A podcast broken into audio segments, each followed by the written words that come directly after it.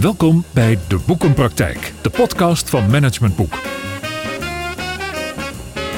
De Boekenpraktijk onderzoekt hoe de theorie van managementboeken aansluit bij de vaak zo weerbarstige praktijk. Uw presentator is Willem van Leeuwen. Onze capaciteit om aangeboren impulsen te beheersen en te richten naar doelen die de grenzen van ons voorstellingsvermogen uitdagen. Zo omschrijft auteur Edwin Zazada misschien wel de kern van wilskracht. Dat is het thema van zijn omvangrijke boek. Edwin volgde de militair-wetenschappelijke opleiding krijgswetenschappen aan de Koninklijke Militaire Academie. En tijdens zijn loopbaan als officier bij de panzerinfanterie ronde hij in de avonturen ook nog een aantal interessante studies af. De Master Strategic, zo is even moeilijk, Strategic Human Resource Management en de Master Business Process Management en IT. Naast zijn werk verrichtte hij als ZZP'er coachingswerkzaamheden, waarna Edwin de overstap maakte naar de retailsector. Daar heeft hij een aantal leidinggevende functies vervuld. En nu is hij werkzaam als HR-manager bij supermarktketen Jan Linders. En hij is dus de auteur van een omvangrijk boek over wilskracht van maar liefst meer dan 800 pagina's. Edwin is de gast in deze aflevering van onze podcast De Boekenpraktijk. Welkom Edwin, fijn uh, dat je mijn gast wil zijn. Ja, goeiedag. Leuk om, uh, leuk om hier te mogen zijn. Dankjewel. Hey, waar, waarom in godsnaam zo'n omvangrijk boek van 800 bladzijden? Ja, ja, dat is een uh, goede vraag. Je, je, zou kunnen zeggen dat het in die zin een beetje uit de hand gelopen uh, hobby is.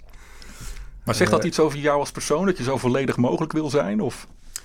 Ik denk dat ik graag veel wil weten. Ja? en dat steeds doorzoeken naar nieuwe informatie heeft uiteindelijk geleid tot, ja, tot inderdaad 800 pagina's. Ja, ja. Iets, iets meer dan ik had verwacht. Ja, want je hebt, je hebt echt een zoektocht afgelegd. Hè? Je hebt uh, over het thema wielskracht heb je honderden boeken gelezen. Je hebt meer dan 800 wetenschappelijke publicaties gelezen. Um, nou, dan moet een thema als wielskracht je toch wel meer dan boeien. Wat heb jij toch met dat thema? Ja, ik moet zeggen, um, in mijn tijd bij Defensie merkte ik dat ik regelmatig uit mijn eigen comfortzone werd getrokken. Um, en dat voelde op dat moment zelf uh, uh, af en toe wat vreemd of wat onprettig, maar uiteindelijk groei je daardoor als persoon. Um, hey, je, je, staat wat makkelijker in het leven. Eigenlijk je comfortzone wordt groter als je er vaker iets uit wordt getrokken. Ja. En ik merkte toen ik Defensie verliet... Um, ja, dat ik wat, ver, wat, wat, minder vaak uit werd getrokken. Wat minder vaak werd uitgedaagd op dat soort aspecten. Maar heb je dat nodig? Heb jij, is dat een soort van kick dan of zo? Om uitgedaagd te worden en te willen groeien? Of... Um, ja, ik denk het wel. Ik denk dat ieder mens dat ook wel een beetje heeft. Dat je toch af en toe... Ja, anders wordt het leven ook een beetje mat, hè? Ja, maar dat Dan zeg je het ook. Als je je wilskracht nooit Ja. aanspreekt, wordt het leven wel erg mat. Ja, ja, dat is mijn ervaring althans. Ik vind dat fijn om af en toe toch eventjes Ja. ja, die grenzen op te zoeken. De spanning te ervaren. Mhm. Ehm, nou, de angst in beperkte mate natuurlijk hè, voor bepaalde eh, onderwerpen of ervaringen te ervaren. ja. Dat is, ja. als je kijkt wat ons mens maakt, zijn dat die emoties. Dus dan is het ook wel prettig om er af en toe aan die randen te gaan, lekker, eh, Ja. ja, te gaan schuren. Ja. Kun je nou zeggen, dat is misschien een beetje een lastige vraag hoor, maar eh, je hebt nu zoveel erover gelezen en je hebt er heel veel over gepubliceerd. hè, Want eh, je, je, je refereert aan heel veel onderzoeken en bronnen natuurlijk. Dat kan Ja. ook niet anders als je zoveel erover bestudeerd hebt. Wat is nou in de kern je belangrijkste inzicht over het thema wilskracht? Om de- het belangrijkste inzicht eruit te halen is een wat lastig. Hè? Ehm, ik zou willen zeggen dat een hoop draait om energiemanagement.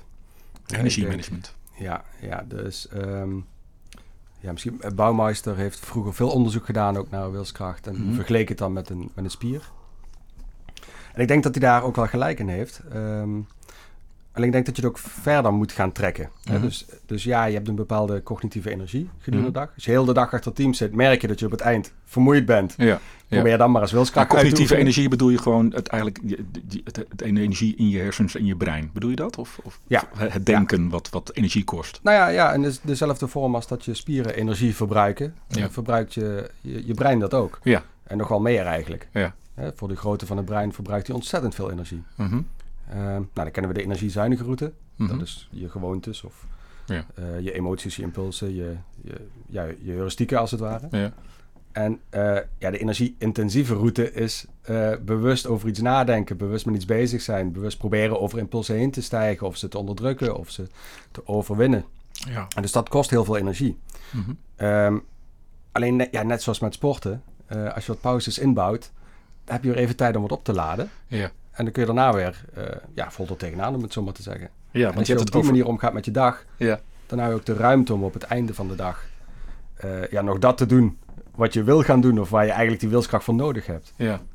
Want is, is wilskracht in de kern niet eigenlijk gewoon je perceptie over je eigen werkelijkheid, dus je zelfkennis veranderen?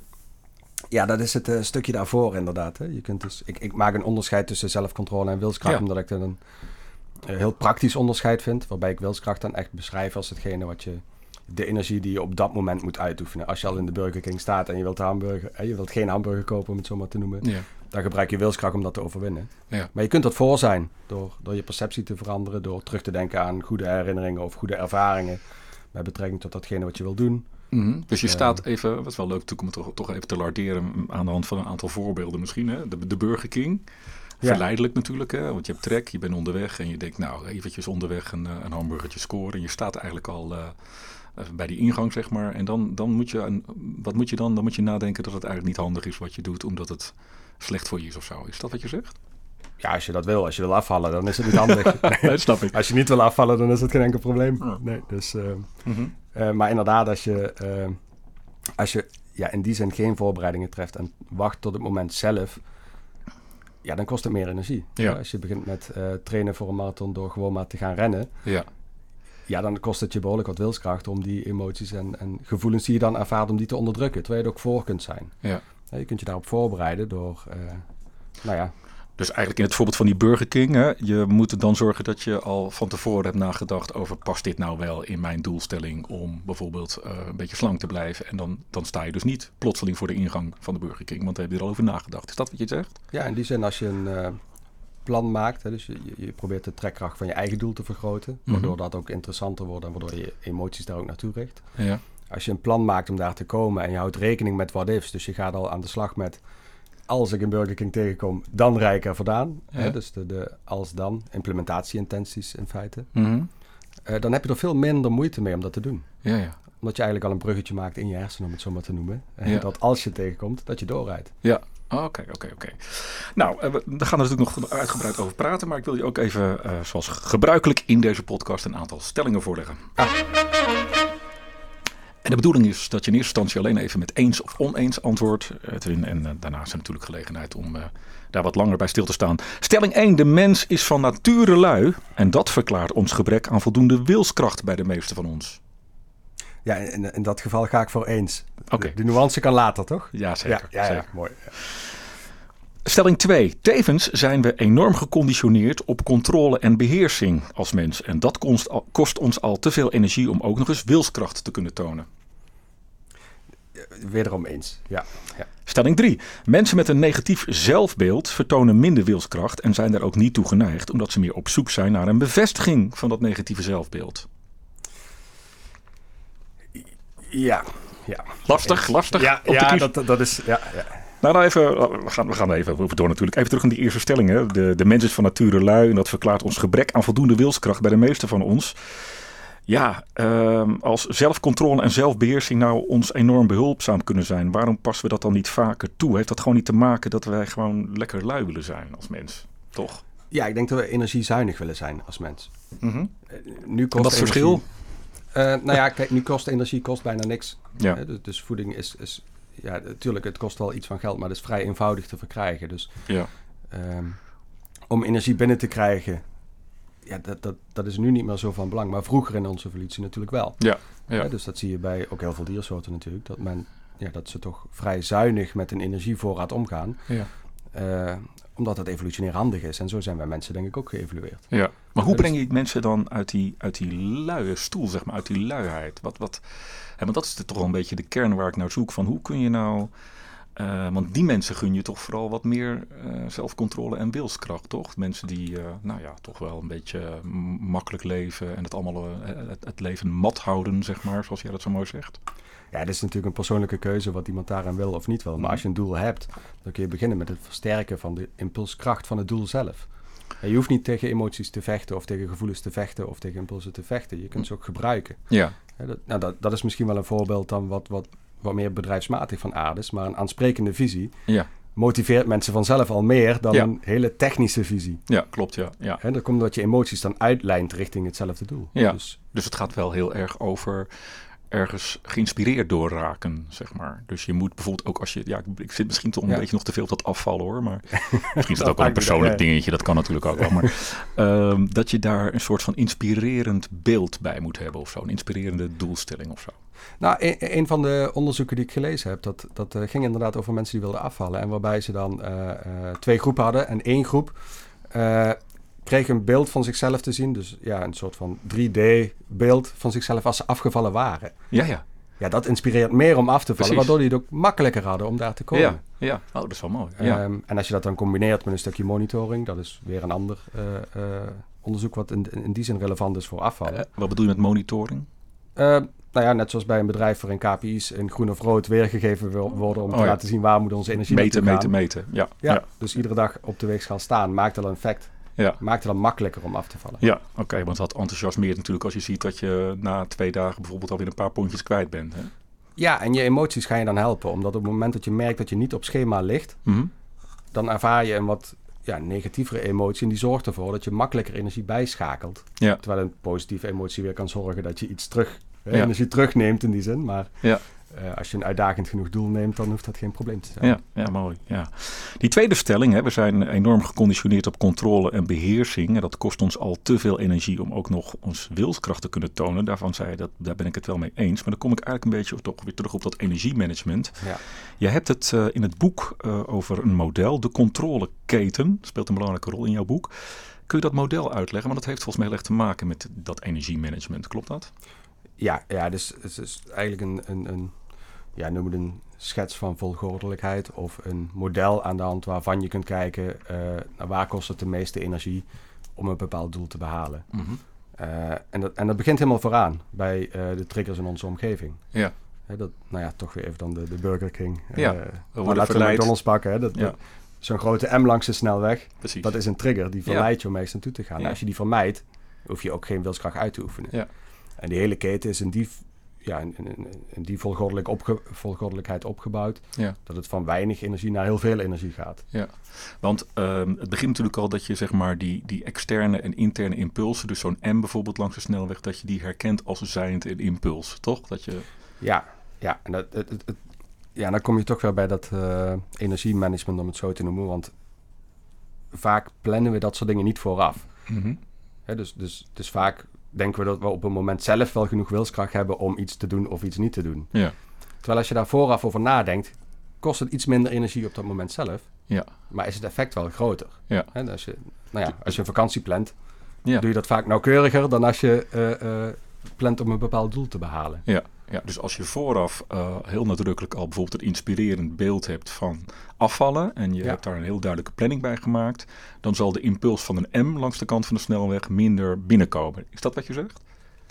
Ja, dan zit je al iets verder in die controleketen inderdaad. Maar als je dat combineert ook nog met implementatieintenties, dus duidelijk je what-ifs op je Ja. eigen plan al eh, eh, ja, mentaal voorgeoefend hebt, Ja. Eh, ja, dan heb je daar minder last van, hoef je daar minder energie aan te besteden. Ja. En helemaal voor mij, die kost natuurlijk geen energie. Ja. Alleen, ja, hoe, hoe praktisch is dat? Hè? dat Ja. Eh, Die derde stelling die gaat over negatief zelfbeeld. Hè? Dat mensen met een negatief zelfbeeld vertonen minder wilskracht en zijn er ook niet toe geneigd, omdat ze meer op zoek zijn naar een bevestiging van het negatieve zelfbeeld. Hè? Je hebt natuurlijk in het boek ook heel veel aandacht besteed aan het werken van ons brein en ook ons, onze conditionering. Ja. En eh, ja, mensen die, eh, dat zie je ook wel, mensen die nou, niet zo tevreden zijn over zichzelf, die gaan meer op zoek naar bevestiging van dat beeld dan dat ze het proberen te veranderen. Hoe, hoe draai je dat dan om? Ja, ik denk dat heel belangrijk voor zelfbeeld ook de invloed van de omgeving is. Mhm. Ehm, en dat, dat, dat is misschien wel een voorbeeld wat ik dan zelf mee heb gemaakt toen ik van Defensie naar eh, de retail ging. Ja. Het, eh, nou, laten we zo, de, de vrijdag stond ik voor 150 man. Ehm, nou, dat, dat doet iets met jezelf. Hè? Dat, Ja. dat, dat geeft een bepaald gevoel. Dat doet iets voor je zelfbeeld. Ja. En eh, de maandag erop begon ik aan mijn opleidingstraject Ja. in de supermarkt. En dat is ook in de supermarkt zelf werken. Dus ook achter de kassa zitten, vakken vullen, et cetera. Ja. En dan zit je achter de kassa en dan merk je dat mensen heel anders naar je kijken. Oké. En nou dat- goed, dat, dat, dat voorbeeld staat niet per se in mijn boek, maar dat is wel een van de meest impactvolle eh, ervaringen die Mhm. ik zelf ervaren heb. Want wat Omdat gebeurde er dan? Je zet je achter die kast Ja, ik, aan. ik vond het heel bijzonder hoe mensen daar met je omgaan. Het is als, eh, eh, ja, je bent opeens minder, ze, ze kijken naar je alsof je minder mens bent. Ja, ja. En da- ja, dat doet wel iets. Hè? Dan, dan, Ja, dan krijg je een beetje het gevoel van ja, maar ja. hoe kan het nou dat alleen datgene wat je doet, je baan of je functie, dat dat een. ja daar ontlenen wij Ja. toch status aan, zeg maar. Ja, maar dan nog steeds. Het is. eh, ja, het is natuurlijk heel subjectief en heel bizar. Maar, Ja. is dat, gaat het er nou juist niet om dat je je daar dus niet door laat verleiden? Oftewel, eh, zijn wij niet als mens veel te veel bezig met eh, te kijken wat onze omgeving van ons vindt? Ja, dat is een beetje inherent aan mens zijn, denk ik. Hè? We zijn natuurlijk opgegroeid, of nou ja, Mhm. als soort opgegroeid, moet Ja. ik dan eigenlijk zeggen. Ja. In sociale groepen, waarbij de veiligheid van het individu afhankelijk was van in hoeverre je geaccepteerd wordt door je groep. Ja, ja Dus dus, je moest erbij horen. acceptatie. Ja. Ja. Ja, je moest in de groep opgenomen worden. En dus was je continu toch wel bezig, onbewust met... hoor ik er nog bij en vindt men, mij nog, vindt men mij nog aardig, zeg maar. Ja, en dan de balans zoekende in eh, volledig opgaan in de groep, waarbij je op een gegeven moment niet heel veel meerwaarde meer hebt voor de groep, omdat je hetzelfde bent als de rest. Mhm. En de balans tussen ja, het individu zijn, wat voeg ik toe als individu aan deze groep? Ja, Waardoor je toch ja, dat individualisme met het collectivisme, ja.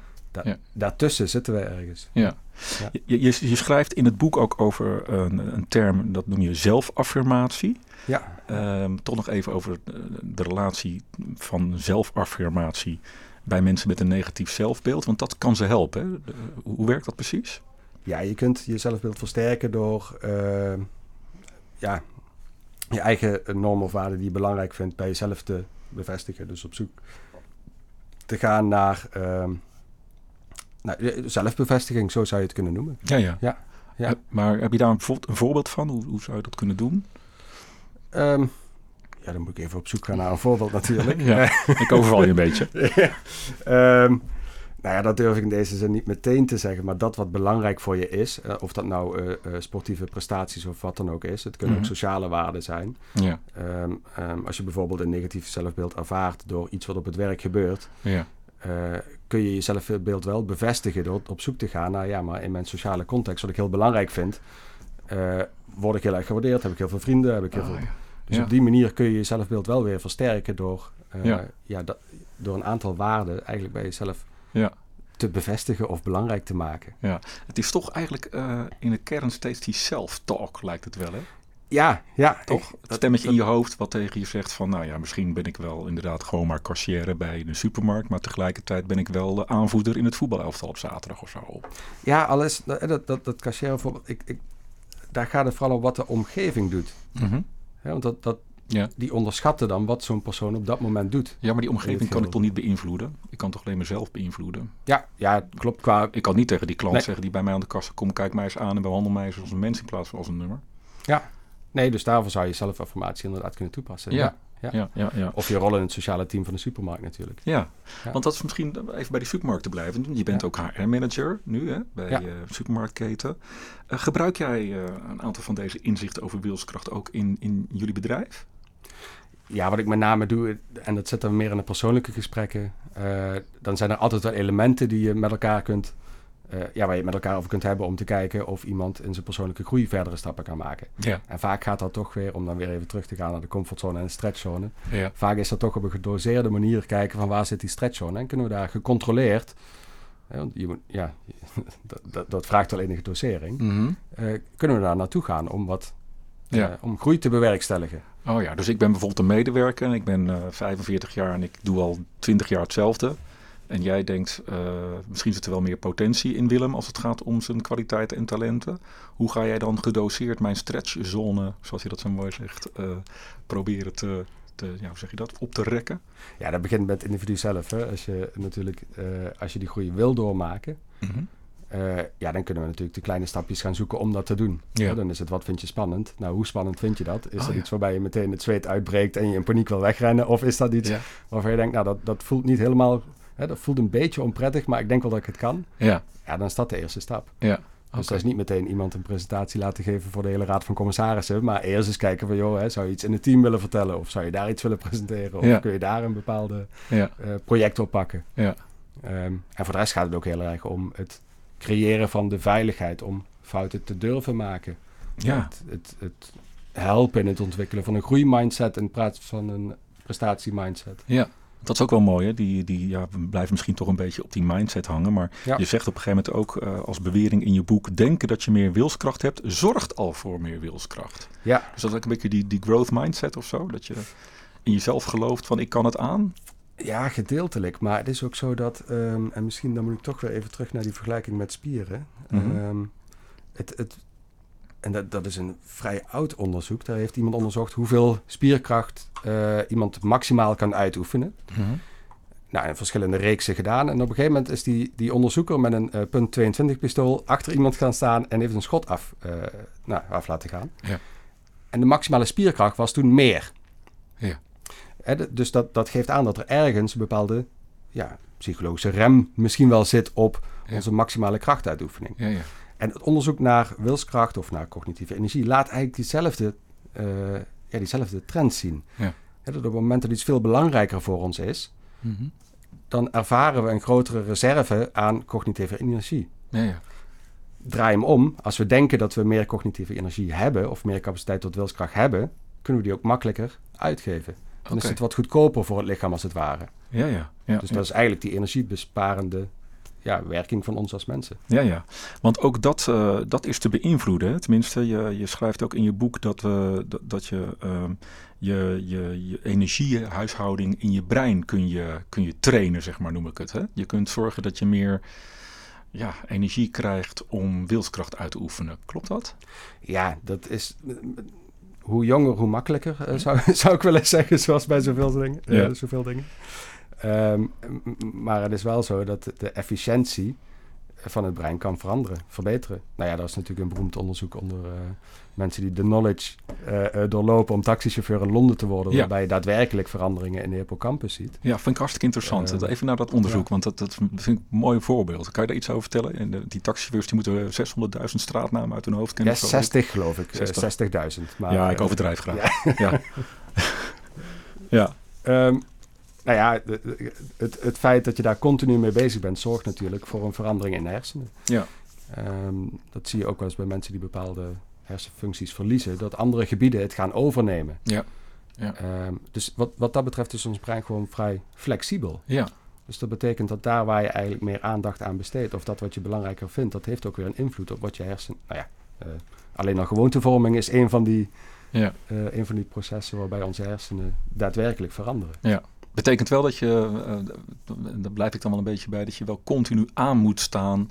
In de zin van dat je het onbewuste bewust maakt. Hè? Dus dat je eigenlijk wel de hele dag een beetje ja, op jezelf reflecteert van waarom doe ik dit gedrag op, deze op deze impuls of zo. Wat is hier de impuls en wat doe ik automatisch? Nee, dat hoeft niet. Ik zou daarvoor heel duidelijk gaan kijken. Wat vind ik het allerbelangrijkste doel wat Ja. ik op dit moment heb? Eh, als je de hele dag aanstaat, dan ben je na een paar uur ben je op. Ja. dan is je Ja. energiemanagement, eh, Ja. dat, eh, dat is dan niet zo heel effectief. Dus ik Ja. zou vooral kijken, wat vind ik het allerbelangrijkste? Ja. Heb jij zelf nog een, eh, bepaald doel gehad de laatste tijd? Of misschien nu nog wel van je zegt van nou kijk, dat, da- daar zit mijn, eh, daar ben ik nu mijn, e- mijn wilskracht aan het trainen, zeg maar, om te kijken of ik dat doel kan bereiken. Ja, twee. Ik, ik, enerzijds ben ik begonnen met het schrijven van een onderzoeksplan voor een PhD. Maar anderzijds, ehm, en dat, dat is eigenlijk meer begonnen als een, als een nou ja, eh, borrelpraat, zeg maar. eh, eh, heb ik me ook aangemeld voor een marathon. Oké. En dat terwijl ik een tijdje niet gesport heb. Ja. Ehm, maar dat trainen daarvoor, dan heb ik wel regelmatig momenten dat ik even mijn eigen technieken moet gebruiken om Ja, door de pijn en de vermoeidheid heen te lopen. Snap ik. Ehm, Neem ons, neem ons daar eens in mee. Want ik bedoel, dat is misschien wel een mooi huis- en een keukenvoorbeeld. Maar ja, dat herkennen denk ik wel veel mensen. Hoe, Ja. hoe ga jij nou zorgen dat jij eh, op basis van de informatie die je uit al die eh, artikelen en boeken hebt gelezen. En misschien wel met die controleketen, dat weet ik niet. Dat, dat, Ja. dat relateer ik er maar gewoon even aan. Hoe ga je nou zorgen dat jij de voldoende wilskracht ontwikkelt om die marathon binnen hoeveel tijd? Dat is denk ik ook Nou, een doelstellingen. ja, daar heb ik een hele duidelijke doelstelling. Mhm. Als ik er maar uitloop. Dus de tijd maakt mij niet uit. Nee, maar ik bedoel, nee. binnen hoeveel tijd wil je de marathon kunnen lopen? Oh, zo, hij is in november. Oh ja. Ja. Ja, New. York. Nee, Maastricht. Oké, wacht. nee, ja, ja, ja. Eh, dat is ook heel erg mooi. ja. Eh, Oké, dus en, en, en, en was je al een hardloper of niet? Of ben je- Nee, absoluut niet. Oké, dus je nee. bent, wanneer ben je begonnen? Als ik heel vrij mag zijn. Eh, ik geloof twee maandjes terug. Wauw, ja. oké, dus dat moet echt wel binnen vier, vijf maanden moet dat dan... Ja, ik heb niet zoveel tijd om het voor elkaar te krijgen. Nee, maar dat, eh, Dus dat is juist deel van de, van de Ja. fun, zou ik willen zeggen. Ja, ja. ja. En, en eh, neem ons eens mee, hoe, wat, is, wat is nu, wat is nu eh, in die vijf maanden tijd de manier van, van Edwin om uh, voldoende wilskracht ontwikkeld te hebben om zo meteen in november in Maastricht de marathon te kunnen lopen? Ja, nou, het, het begint met de training. Mm -hmm. um, nou is mijn trainingsschema niet het allerbeste voor een hele hoge tijd, maar voor mij wel voldoende, denk ik, om hem te halen. Mm -hmm. Um, maar vaak is het ook gewoon, ja, de, de, hoe kom ik zover dat ik echt die training ga doen? Dat is toch iets waar je tegenop kijkt. Ja. En ik probeer dat voor mezelf dan wat leuker te maken door emoties in lijn te brengen met, uh, met mijn doel. Ja. Dus, uh, nou ja, goed, ik, heb, ik luister graag luisterboeken, dus ik heb een uh, podcast aangezet met het luisterboek van Rutger Brechtman, een van zijn boeken Ja. althans. En juist op het moment dat ik het leuk vind worden, heb ik hem stopgezet. Uh, zodat ik bij de eerste training uh, voldoende motivatie had Oh, om uh, vol enthousiasme aan die training te beginnen. Ah, het is een soort snoepje wat je jezelf voorhoudt eigenlijk. Ja, ja, ja. ja. ja, ja. ja. Zo heb ik het schrijven van het boek eigenlijk ook gedaan. Juist op het moment dat ik dacht, oh, dit vind ik echt leuk om te schrijven, ben ik gestopt, zodat ik de volgende dag dusdanig veel, ja, zodat de impulssterkte van mijn doel dusdanig sterk was, ja. dat ik met gemak weer verder kon schrijven. Ah, Oké, okay. interessant. interessant. Um, wat ook nog belangrijk is, uh, lees ik in jouw boek, is de omgeving. Oftewel de, de, laten we zeggen, de samenleving waar je uitkomt. Hè? De, ja. uh, um, die bepaalt ook voor een deel zeg maar, je, je vermogen tot discipline, zou, zou ik willen zeggen. Klopt dat? Ja, ja. Nou, dat, dat heeft enerzijds te maken met de hoeveelheid uh, prikkels en stress waarmee je te maken hebt. Mm -hmm. He, dus in een, in een wijk waar meer criminaliteit is, waar een hoger gevoel van onveiligheid is, waar, um, nou ja, waar je misschien ook een, een, een, baan hebt waardoor je ook financiële uitdagingen hebt. Dat legt natuurlijk een constante uh, belasting op je cognitieve energie. Mm, ja. En dat betekent dat je ook ja, gewoon minder ruimte hebt om ook nog eens wilskracht uit te oefenen. Ja. Uh, om je belangrijkste doelen te halen. Ja. Zitten wij dan in de ranking als Nederland zijnde goed? Ja, ik, ik zou nog wel wat dingen willen aanpassen. Ik bedoel, de toeslagenaffaire, dat is natuurlijk niet alleen uh, in die zin schandalig rondom het financiële aspect van mensen hun leven. Mm -hmm. Maar het belemmert dan ook nog eens op heel veel andere punten. Ja. Ja, je zult het maar meemaken. Dan is je hoofd echt niet bij, uh, bij een marathon lopen. Nee, nee. Uh, ja, nee, dat snap ik. Ja, ja, ja. Maar als je, vind ik, niet, laten we zeggen, slachtoffer bent van die toeslagenaffaire, dan hebben wij toch wel een land waarin we, nou ja, waarin behoorlijk voor ons gezorgd wordt, zeg maar. En dat dan... ligt eraan, denk ik, in uh, welke groep je zit. Ja, ja. Okay. Um, ik bedoel, als je nu een huis moet kopen, ja. dan heb je een aardige uitdaging als starter. Ja. ja. Uh, het sociale vangnet, nou dat. Maar dat is misschien ook toch wel interessant, hè? Want dan komen we denk ik wel juist op een interessant punt. Ik bedoel, stel ik, ik ben uh, starter en ik wil een huis kopen en ik, uh, nou, ik heb alleen maar negatieve ervaringen, want het huis is niet, is niet, het aanbod is er niet en als het aanbod er is, is het te duur, dus ik kan het niet betalen. Ja, moet toch een beetje positief blijven. Dus hoe ontwikkel ik nou die wilskracht om toch, zeg maar, in de running te blijven voor zo'n huis? In plaats van dat ik mijn kopje laat hangen. Wat, wat kan ik dan het beste doen? Nou ja, ik geloof dat in dat geval de prijzen het meest belemmerend zijn en niet de wilskracht om een huis te kopen. Hè, want dat heeft vaak al zo'n impulssterkte dat je dat mm -hmm. natuurlijk wil en, en, en hè, dat het ook al vanuit zichzelf motiveert. Ik kan me wel voorstellen dat je op een gegeven moment denkt van ja, voor de honderdste keer word ik nu afgewezen uh, ja. hè, of, of kom ik ja. er niet door. Ja. Dus dat je daardoor op een gegeven moment zegt van ja, dat, dit heeft geen zin meer. Mm -hmm. um, ja, ik, maar ik denk dat dat meer een financieel probleem is dan een probleem van doorzettingsvermogen om uiteindelijk wel het huis te krijgen. Want het, in zo'n geval wordt het op een gegeven moment kan het ook de andere kant op gaan. Dat je juist te veel gaat bieden. Ja, ja. Dat je jezelf te diep in de schulden moet steken om het maar te bereiken. Ja, ja, ja. Um, maar ja, waar, waar, ik een beetje naar op zoek ben, is toch wel, misschien dat zijn het wel, want je zegt, dit, dit is een, een uh, hoe zei het nou, een zelfinzichtboek en geen zelfhulpboek. Ja, ja. Uh, maar ik zoek toch een beetje naar, stel dat ik nou vandaag nog wil beginnen met het ontwikkelen van meer wilskracht in mijn dagelijkse leven. Wat kan dan gewoon een eerste praktische, nuttige stap zijn? Ja, als je ja, wilskracht wil trainen, zou ik het bewust gaan inplannen. Dus bewust uh, heel gecontroleerd momenten kiezen waarop je daar, ja, waarop je daar gebruik van gaat maken. Mm -hmm. Dus zo'n marathontraining is daar wel leuk voor. Dan kun je, ja. als je daar heel bewust van bent dat je ook die wilskracht wil aanspreken, ja. dan wordt het ook, denk ik, makkelijker om in die training te doen. Dus ja. in plaats van dat je ervaart van, goh, ik word nu moe, het doet nu pijn, ik wil stoppen, ervaar je dan, nee, dit is, dit is wat ik wil trainen, dit is wat ik wil voelen, hier wil ik overheen. Ja. He, dat is een, dan ben je het eigenlijk vanuit een andere kant aan benaderen. Ja. Ja. Um, gaat het meer om zelfcontrole, dus hoe zorg ik ervoor dat ik juist wat minder wilskracht hoef uit te oefenen, meer energie gedurende de dag heb en toch mijn doelen kan halen. Mm -hmm. Ja, dan is cognitieve herwaardering denk ik wel een van de beste methoden. Cognitieve herwaardering, moet je even uitleggen? Ja, er is uh, onderzoek naar wilskracht heeft natuurlijk een behoorlijk impuls gekregen sinds het uh, marshmallow-onderzoek van Walter Michel. Mm -hmm. Ja, dus de, kregen kinderen... De kinderen die uh, uitstelgedrag beloond werden als ze een marshmallow op een tafeltje kregen, toch? Zoiets was dat? Ja, ja, ja inderdaad. Eén marshmallow, onderzoeker gaat weg en als ze hem niet opaten, dan kregen ze een tweede. Ja, ja. Um, nou, dat is, dat is van alles uitgekomen, maar een van de vervolgonderzoeken hebben ze tegen kinderen gezegd: doe nou eens niet alsof het een marshmallow is, maar stel je dat nu voor als een fluffy cloud, als een wolkje. Ja. En dat is eigenlijk cognitieve herwaardering. Dus op een andere manier gaan kijken naar iets, ja. zorgt ervoor dat die impulssterkte daarvan vermindert. Ja, maar ook, uh, dat schrijf je ook in je boek, uh, de impact van de herinneringen op je ja. toekomstige besluit. Hè? Ja. Dus bijvoorbeeld je bent, uh, nou ja, misschien toch even weer, ja, ik zit om, blijf nou weer even bij die woningen hangen natuurlijk. Maar als je honderd keer afgewezen bent voor een woning, omdat je niet kan betalen, uh, dus je hebt een negatieve herinnering daaraan, dan kan je dat ook cognitief herwaarderen, schrijf jij toch? Ja, dat schrijf ik niet zozeer over de woningmarkt, maar uh, je kunt inderdaad je herinneringen een beetje beïnvloeden, een beetje ja. aanpassen. In feite gebeurt dat iedere keer als je ze ophaalt. Ja. Hè, dan veranderen ze een beetje. Ja, je kunt het ook positief veranderen. Ja. Als je toch niet meer helemaal zeker weet wat je herinnert, ja. nou, geef er een beetje optimisme aan en uh, draai het een beetje naar je, eigen, naar je eigen doelen toe, zou ik zeggen. Ja, dat helpt. Ik denk zelf vaak terug aan nou, dat beschrijf ik in mijn boek een bepaalde speech die ik gehouden zou hebben op een panzervoertuig. En een oefening waarbij iedereen er een beetje klaar mee was. Ja, um, ja voor mijn gevoel is dat echt gebeurd, maar ik, ik kan ook zomaar zijn dat ik die in de loop der tijd wat sterker heb gemaakt, omdat ik daar vaker op terugkijk. Als ik denk van, nou ja, kan ik dit, kan ik dit niet? Ja. Dan denk ik even terug aan dat moment en dan denk ik, ja, als ik dat kon, dan ja, ja. lukt het ook wel. Ja. Dat, is, dat is mooi, want ik bedoel, uh, herinneringen bepalen vaak onze toekomst, toekomstig gedrag. Hè? Omdat we ons laten leiden door de impact van negatieve herinneringen, denken we ook heel snel dat we het in de toekomst niet kunnen, toch? En dan zeg jij, als je die herinnering nou eens iets anders framed voor jezelf in je hoofd, ja, zo vertaal ik het maar hoor. Ja dan, uh, en het iets, iets, iets positiever maakt, dan krijg je er ook een ander gevoel bij. En dan is de kans dat je meer wilskracht toont voor die actie in de toekomst is groter. Ja, ja, in die zin kun je je brein zien als één grote voorspellingsmachine die bewust uh, voorspellingen maakt, maar uh, dus dat is je eigen forecast. Maar ook onbewust. Dus als je de factoren die onderliggend aan die voorspelling uh, zitten, als je die verandert, ja. ja, dan verandert die voorspelling van je brein. Ja, ja. ja ik zit hard op te leren. Hartstikke interessant. Hey, je hebt natuurlijk ook een beetje aan het einde zijn we van, van, van dit gesprek hoor, maar je hebt uh, heel veel boeken dus gelezen en al, al die artikelen gelezen. Je verwijst er ook naar in het boek, enorm grondig brononderzoek.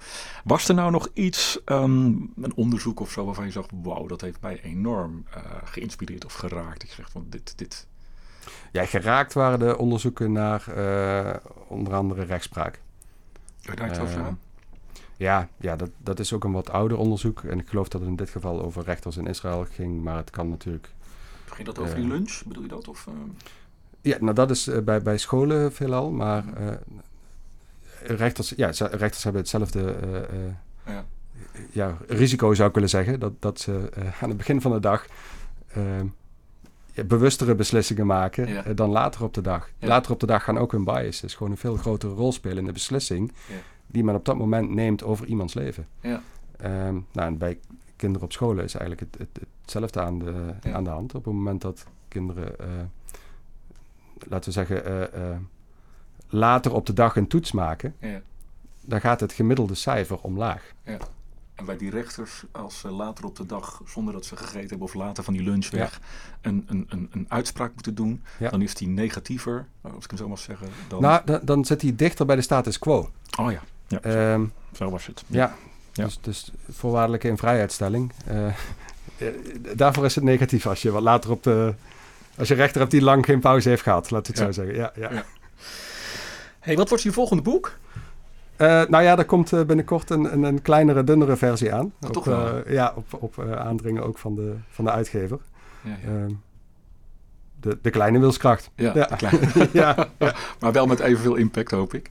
Maar ga je, blij, wil je iets blijven doen met dit thema? Ik ben even op zoek naar iets. Of is het nu klaar? Of? waar ik me nu aan het verdiepen ben, is met name... ehm, ja, hoe noem je het? De, de, het effect wat angst en onze... Uh, uh, neiging naar veiligheid uh, uiteindelijk heeft op ons eigen leven. Hmm, ja, want ik zit ook even te denken, nou, een soort van, ik wil ook gewoon naar een mooie afronding natuurlijk. Als ik nou naar deze podcast, naar dit gesprek heb geluisterd, kan je dan eens proberen toch in, in één of twee zinnen te vertellen, wat moet ik nou onthouden uit dit gesprek als het gaat om wilskracht? Verander je perspectief. Dus bekijk, probeer dingen vanuit een andere hoek te bekijken. En je zult zien dat een aantal dingen dan gewoon makkelijker gaan. Ja. Oké, dankjewel. Edwin Sazada, hij was gast in onze aflevering van de, deze boekenpraktijk. Bedankt voor jouw bijdrage. Ik voel nu nog meer wilskracht overigens om eh, deze pul van meer dan 800 bladzijden ook echt helemaal uit te gaan lezen. Dus uh, allemaal dankzij dit gesprek. Ik verwijs jou als luisteraar van deze podcast heel graag naar de volgende aflevering uh, van, van de boekenpraktijk. Die staat over twee weken weer natuurlijk op alle podcastkanalen. En ook daarin spreken we weer met een auteur over zijn of haar opmerkelijk recent verschenen managementboek.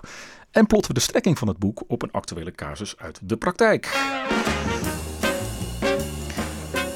Rest mij je hartelijk te bedanken voor het beluisteren van deze podcast. Heb je vragen, opmerkingen of suggesties? Mail dat dan naar info.managementboek.nl Tot zover de praktijk van boeken. Kijk voor meer afleveringen of een abonnement op de boekenpraktijk op managementboek.nl/slash podcast. Je vindt ons ook op Spotify, Apple Podcast, Google Podcast en Soundcloud. Hartelijk dank voor het luisteren en graag tot de volgende podcast.